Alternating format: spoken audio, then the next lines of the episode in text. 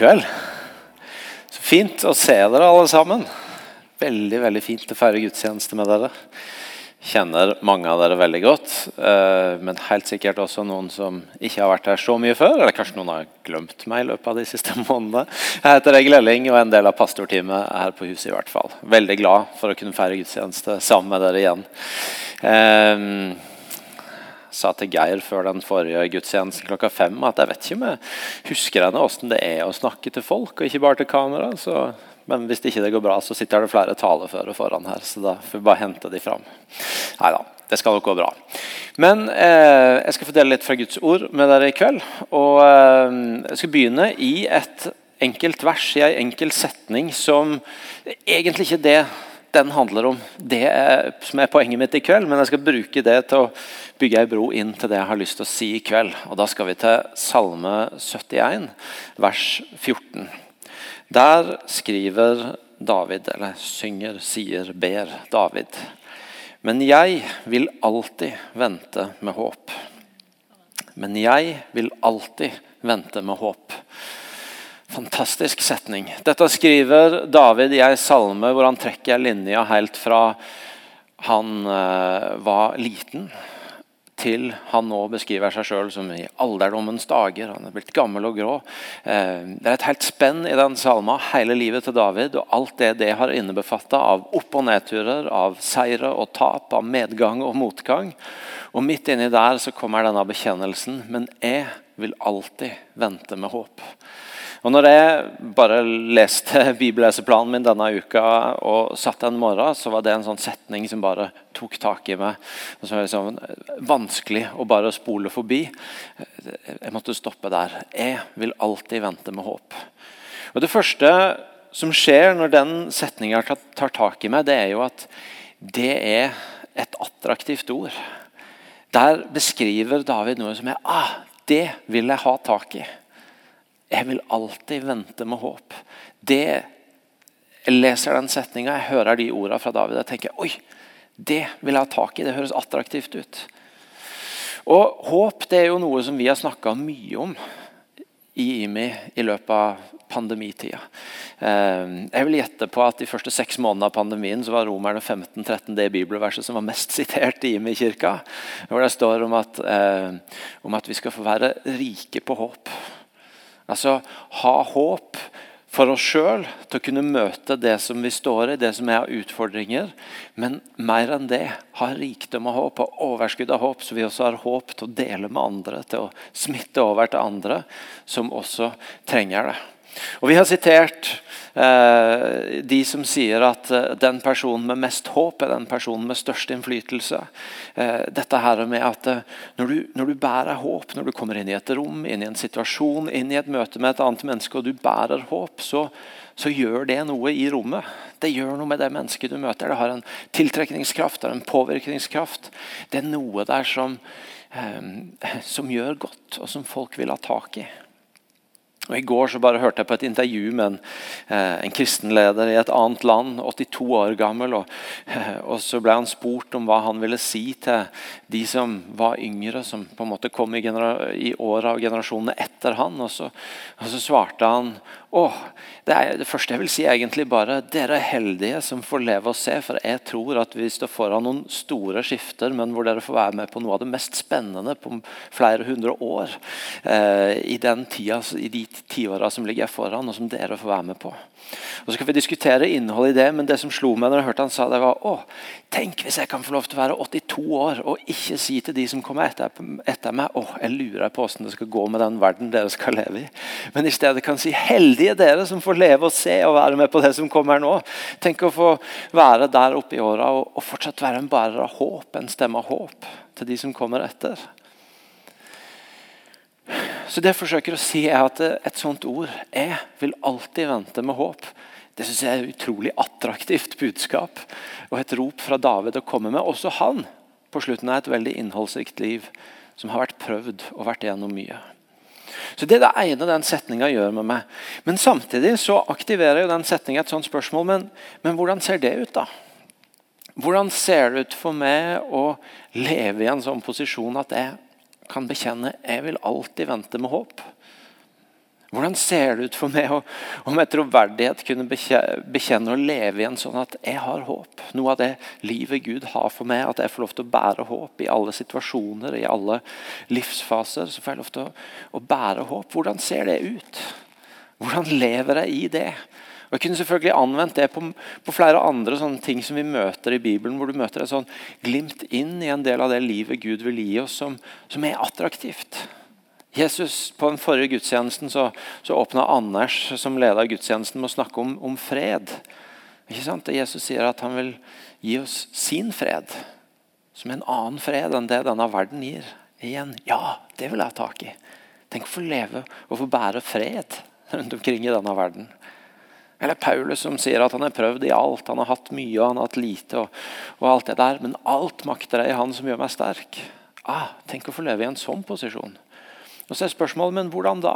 Hvordan ser det ut? Hvordan får jeg tak i det? Og så er det klart at der er ei side ved livet som er det at vi kan ta valg på hva vi vil gi fokus til. På hva vi vil fylle sinnet vårt med, hva vi ønsker at skal være fokuset vårt i det vi møter. Vi kan ta valg på det. Vi kan velge at jeg vil fylle sinnet mitt med ting som gir håp, eller som gir fred, eller som gir meg eh, denne her motstandsdyktigheten til alt makter jeg i Han som gjør meg sterk. Og på den måten være med på å sette ei retning hvor jo da, jeg holder fast i håpet uansett hva jeg møter. Og Det er noe sant i det, og så er det en sånn dobbelthet i det. I at uh, hvis, hvis det eneste en sånn setning som det, at 'jeg vil alltid vente på håp', har å gi til meg, er at eh, det kan jeg leve i, i den grad jeg evner sjøl å holde fokus på det og styre tankene mine på det. Så er det veldig bra helt til det ikke funker lenger, og da er det ganske nådeløst. Og Da blir egentlig Bibelen bare en litt eldre og litt fyldigere og kanskje til og med litt klokere utgave av alle de selvhjelpsbøkene vi uansett får tak i, som forteller oss om lure måter å tenke på for å få ting til å funke. Og så tenker jeg det må jo være noe mer enn det. Det må være mer der enn bare at jeg får hjelp til å tenke rett, sånn at jeg kan møte livet annerledes. I Salme 1 så er det et fantastisk bilde. Salme 1 handler om den som grunner på Herrens lov dag og natt. Og Så står det dette bildet i vers 3, det kjente vers, men allikevel. Han er lik et tre planta ved rennende vann. Det gir frukt i rett tid, og løvet visner ikke. Alt han gjør, skal lykkes. Dette bildet av et tre som er planta, og som står der, som er planta ved et sted med mye næring. En bekk med rennende vann. Og så gjør ikke treet så mye mer for å produsere noe som helst, men ved å være planta der det er, så skjer det som skal skje i treet, sånn at det bærer frukt i rette tid. Et bilde av å være planta på et sted hvor en har tilgang til noe som gjør at det skjer noe i en. Egentlig uavhengig av ens egen kapasitet til å produsere frukt, eller til å klare å holde på de rette tankemønstrene, eller til å produsere det rette håpet, eller freden, eller motstandsdyktigheten, eller hva det nå måtte være. Og selvfølgelig, I dette verset så er hovedpoenget det handler om, det er å være planta i Guds ord. Og Det kunne vært en tale for seg sjøl. At ved å plante livet vårt i Guds ord hver eneste dag, så planter vi oss et sted hvor vi har tilgang på noe som skaper noe i oss. Vi tror at Guds ord er et skapende ord som ved å bo i det uavhengig av hva vi føler fra dag til dag når vi leser det, så tror vi at Guds ord kan skape noe i oss som er utafor det vi sjøl kan tenke oss til eller mane fram av håp eller fred eller hva det måtte være. Men hvis vi holder i bildet av å være planta, så var det egentlig ikke å være planta i Guds ord som var hovedpoenget mitt akkurat i dag. Men vi har akkurat feira pinse, og på pinsedag så ser vi at Den hellige ånd faller, og den kommer med et liv som, som, som sprenger grenser og som berører. Der står det om lyden av en storm, der står det om ildtunger. Der Den hellige ånd kommer med et liv som, som røsker. Og når Den hellige ånd faller, så får de språk til å formidle evangeliet til mennesker rundt seg. Og så står det at mennesker blir lagt til, blir, blir, uh, tar imot Jesus, og at fellesskapet blir danna. Og Så fortsetter vi å følge en tråd gjennom både apostlenes gjerninger og brevene til Paulus, hvor fellesskapet som Den hellige ånd skaper, blir en sånn arena for å leve, for å se Den hellige ånd virke, for å skape åndens frukter, om du vil, i oss. Og det er noe med fellesskapet, det å plante livet sitt i et fellesskap som forandrer. Å plante livet sitt et, i, et, i, et, fellesskap hvor Den hellige ånd får virke uavhengig av hva vi måtte klare å skape til enhver tid. Tenk på det på denne måten. Du kan være her på gudstjeneste i kveld, og så sovna du under talen min. Og Så går du hjem og så tenker du, nei, jeg fikk egentlig ikke med meg hva han sa. Så jeg vet egentlig heller ikke helt hva jeg skal gjøre med talen i kveld. Fikk jeg egentlig noe ut av det? Og så kan du allikevel ha skjedd noe med det. Fordi at du var i et fellesskap hvor Den hellige ånd virka. Og hvor Den hellige ånd skapte tingene, helt uavhengig av din kapasitet til å ta imot det jeg er, eller Hanne Therese sier, eller tekstene i sangene Daniel og teamet leder oss inn i. Helt uavhengig av vår kapasitet til å ta det imot, til å anvende det, så har du plassert deg i et rom hvor det er andre mennesker som søker Gud, som tilber, og Den hellige ånd får virke. Og det kan faktisk ha skjedd noe med deg, helt uavhengig av hva du klarte bevisst å ta imot eller tenke eller anvende. Vi i IMI er stolte eiere av KF-skolen sammen med Nordmisjon region Rogaland. På mandag var det en festdag. Da gikk elevene og personalet i tog fra de gamle lokalene på Byhaugen til nye, flotte lokaler rett oppi bakken her.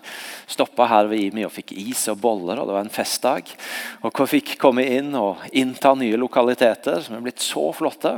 Og så På kvelden så var vi noen som var der og hadde eh, bønn og lovsang for de nye lokalene. Og eh, Noen fra skolestaben, noen fra IMI-staben, noen bare bønnefolk fra menigheten. Vi lovsang, vi gikk rundt i bygget og ba.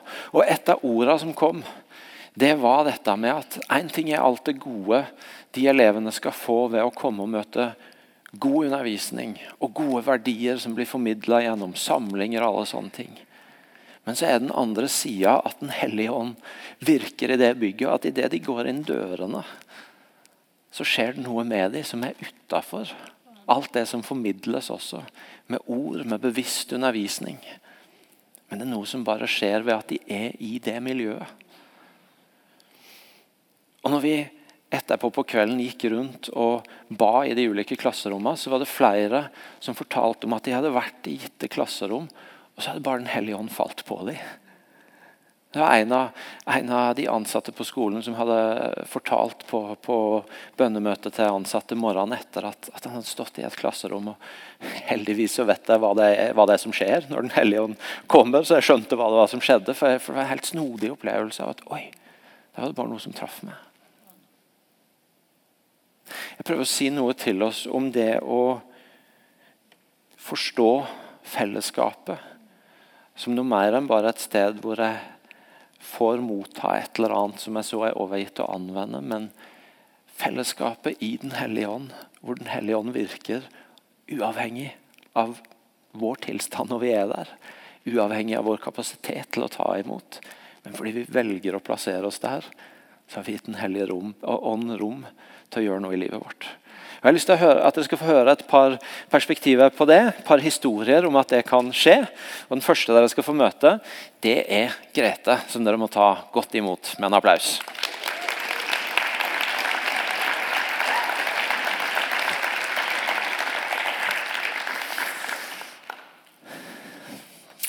Så bra, Grete. Du har gått på Akta i år. Ja, det har jeg. jeg tror du har noen medstudenter i rommet. Ja da. Du, eh, vi har snakka litt sammen, og du har eh, delt at det, noe av det jeg har snakka om nå, det har du erfart i år. Si noe om hvordan det å være det å, for din del å plante livet ditt i det fellesskapet Akta var, hva det har betydd i det året som har gått? Eh, ja. Eh, jeg var jo så heldig å få komme til Akta. Eh, og det fellesskapet som jeg møtte der, eh, det forvandla livet mitt eh, totalt. Eh, jeg kom til en plass der jeg ble tatt, med, tatt imot med åpne armer. Og jeg følte nærmest at jeg kom hjem. det var en veldig sånn trygg og god plass. da. Eh, der jeg bare fikk lov å komme akkurat som jeg var. Eh, og jeg vil ikke si jeg kom med det beste utgangspunktet der, egentlig. Eh, og, men allikevel så var det folk der som bare heia på meg, uansett hva, hva dag jeg hadde. Uansett hvordan mitt humør var, uansett hvor jeg var i livet, så var det bare folk der som heia meg fram. Så ja, det gjorde mye for min del. Hmm. Så du fikk være en del av et fellesskap hvor du kunne komme uavhengig av hvordan dine dager var, Ja. og så allikevel så fikk Gud lov til å jobbe med det. Mm. Og så spurte jeg deg i stad Hvis du uh, skal si noe om Grete august 2020 og Grete juni 2021, hva vil du si da? Uh, ja. Um, august 2020, da jeg møtte opp um, Hadde egentlig ikke så mye håp for framtida. og ja, eh, jeg var deprimert og visste ikke helt hvor veien gikk videre. Eh, og hadde lite glede, egentlig. Em, og så kom jeg på akta, og de bare som sagt, bare heier meg fram. Og de, både staben og elevene skapte et miljø som gjorde at jeg følte meg trygg da, til å gå inn i de prosessene som jeg måtte gå inn i, og face det som var veldig vanskelig. Eh, og jeg fikk eh, gått igjennom mye, eh, og de bare sto der og heia på meg. Og jeg fikk erfare Guds godhet og hvor god han var. da. Og jeg fikk erfare at det fins frihet i Gud eh, pga. det fellesskapet jeg hadde rundt meg. Wow, Fantastisk. Tusen takk for at du deler.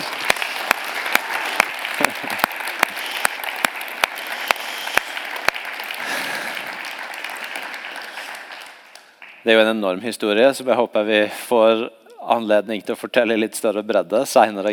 Men tusen takk for at du deler nå om et liv som er forvandla av å få plassere livet sitt i et fellesskap.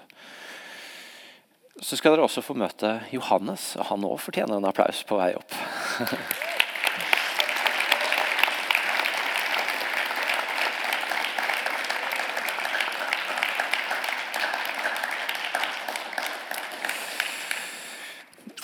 Eh, Johannes har også gått på Akta. Så har du gått på HLT i år. Eh, så har du vært intern i Agenda 1. Og så når vi snakka litt sammen om det perspektivet jeg har delt om nå, så sa du at ja, det har jeg da noe å si om. Jeg har opplevd det effekten av å plassere meg i et fellesskap og se at det påvirker meg. Si litt om hvordan du har opplevd det. Ja, jeg tror også vi begynner med Akta. Um, og etter jeg var ferdig på Akta, så tenkte jeg litt over hvorfor bibelskole fungerte. Bra for noen og eh, litt mindre bra for andre. Og hvorfor, ja, eh, og hva som var, liksom, var greia. da. Eh, og så kom jeg fram til at, det, at vi satte av så mye tid til å fokusere på Gud, at det var ganske sentralt. Um, og også liksom det at vi var et fellesskap da, som dro hverandre. Og vi ville alle sammen var der for å bli kjent med Gud. Eh, og vi var i, ja, med dere, som også vil bli bedre kjent med Gud. Og liksom alt dro den retningen. da. Um, så, så det opplevde jeg var veldig spesielt. Um, ja, veldig spesielt også ved å komme hit. Ja. Og så har du egentlig bare blitt værende i det gjennom HLT og forskjellige ting du har vært en del av. Hvis du skulle si litt om hvordan det har prega ditt liv, eller gjort en forskjell i ditt liv, uh, hva vil du si da?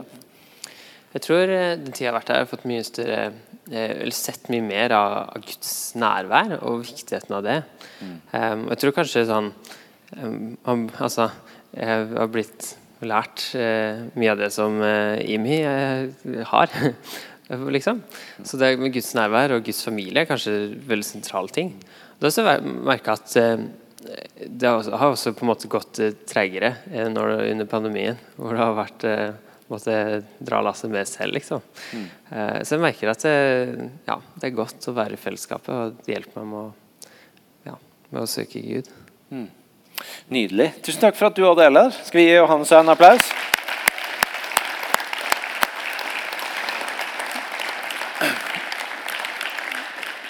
Nå har jeg brukt eksempler fra KF-skolen, fra AKTA, fra HLT. og dette jeg snakker om handler selvfølgelig ikke bare om de som har mulighet til å gå på en gitt skole, selv om du er velkommen til det òg. Søk gjerne Akta eller HLT eller KF. Men dette gjelder jo alle, og eh, fellesskapssettingen kan være mange forskjellige. Eh, som pastor gjennom noen år nå, så har jeg ganske jevnlig erfart å se mennesker som står i en utfordrende situasjon, sykdom, konflikt, et eller annet en bare ikke vet hva en skal gjøre med. Og så ser jeg hvordan noen bare holder seg fast til et fellesskap. Det kan være gudstjenesten, det kan være bønn og lovsang, det kan være huskirka. altså at bare jeg må være der. Og så, og så er det jo ikke det at det å være der alltid forandrer situasjonen. Men allikevel så sier de jeg, jeg, trenger å være der. Jeg må være der. Det, det, gjør noe med meg. Det hjelper meg. Er det ikke nødvendigvis å få løsninga, får svaret, får oppskriften. Men noe skjer allikevel ved å plante seg et sted hvor Den hellige ånd får gjøre noe i livet. Og Nå er vi i ei tid hvor ting kommer til å begynne å åpne opp. Eh, det kommer til å begynne å skje mer her på huset prøver å kommunisere begge deler der. Vi tenker ikke at kirka har vært stengt i tida som ligger bak. Dere har bare i dag hørt masse om godt liv som skjer. og likevel, Nå får vi flere muligheter til å komme sammen, til å være sammen. Enten det er i huskirka, eller på gudstjenesten, eller på bønn og lovsang. eller hva det er. Og Dere vil sikkert høre med, og andre, han Therese og Geir og oss, snakker mye om at nå er det viktig at vi kobler oss på fellesskapet igjen. Og så er det greit å si at det, det, gjør vi ikke primært for at nå må vi få IMI-maskineriet opp og gå igjen. Nå må vi få hjula i gang igjen. Liksom. Nå må vi komme tilbake til alle ting. Jeg håper da virkelig at hvis det er noe vi gjør bare for å holde maskineriet i gang, at vi har vett til å la det ligge når vi åpner opp igjen. Men det handler jo om at vi trenger å ikke bare være overgitt til vår egen disiplin og evne til å holde det rette fokuset. Vi trenger å plante livet vårt i et fellesskap hvor Den hellige ånd får virke, får gjøre ting i oss, får skape ting i oss, hvor vi ikke bare er overgitt til oss sjøl og vårt eget fokus, men hvor vi er en del av en større helhet hvor Den hellige ånd får skape noe i oss. Jeg trenger det. Jeg merker at jeg trenger å få komme tettere på og la fellesskapet varme opp temperaturen i mitt liv. Og jeg tror vi er flere som gjør det samme.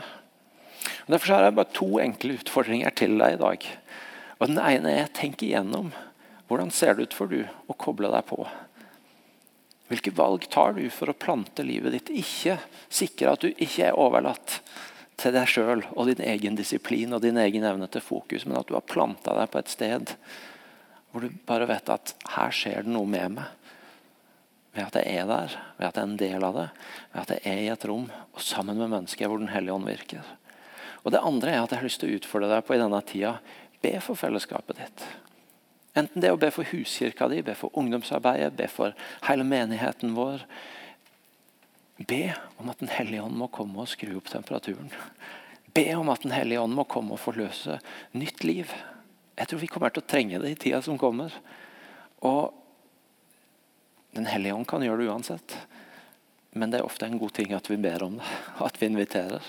Jeg har rett og slett lyst til å be dere om å be for fellesskapet, be for menigheten, Be om at Den hellige ånd må komme og skru opp temperaturen og forløse nytt liv. Skal vi reise oss opp og be sammen? Hellige ånd, du er så velkommen.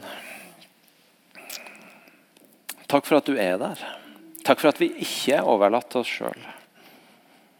Ikke er etterlatt som foreldreløse barn. Ikke er overlatt til vår egen kapasitet til å fokusere eller skape. Men at du kommer, Hellige Ånd, som livgiveren, som hjelperen, som den som bare skaper, uavhengig av. Og så ber jeg deg for hver enkelt her inne om at vi skal få plante våre liv i fellesskap som fornyer oss, og som bevarer oss, som tar oss igjennom, som utruster oss, som tar oss langt forbi det vi selv klarer å komme opp med. Og Så ber jeg deg, Hellige Ånd, for fellesskapene våre. Jeg ber deg for alle huskirkene, for ungdomsarbeidet, for bønn- og lovsangsmøtene, for de som skal begynne på skolene våre til høsten, for gudstjenestene våre. Kom, Hellige Ånd, med nytt liv. Kom, Hellige Ånd, og skru opp varmen. Kom og forny oss for en ny tid og for en ny sesong. Kom, Hellige Ånd.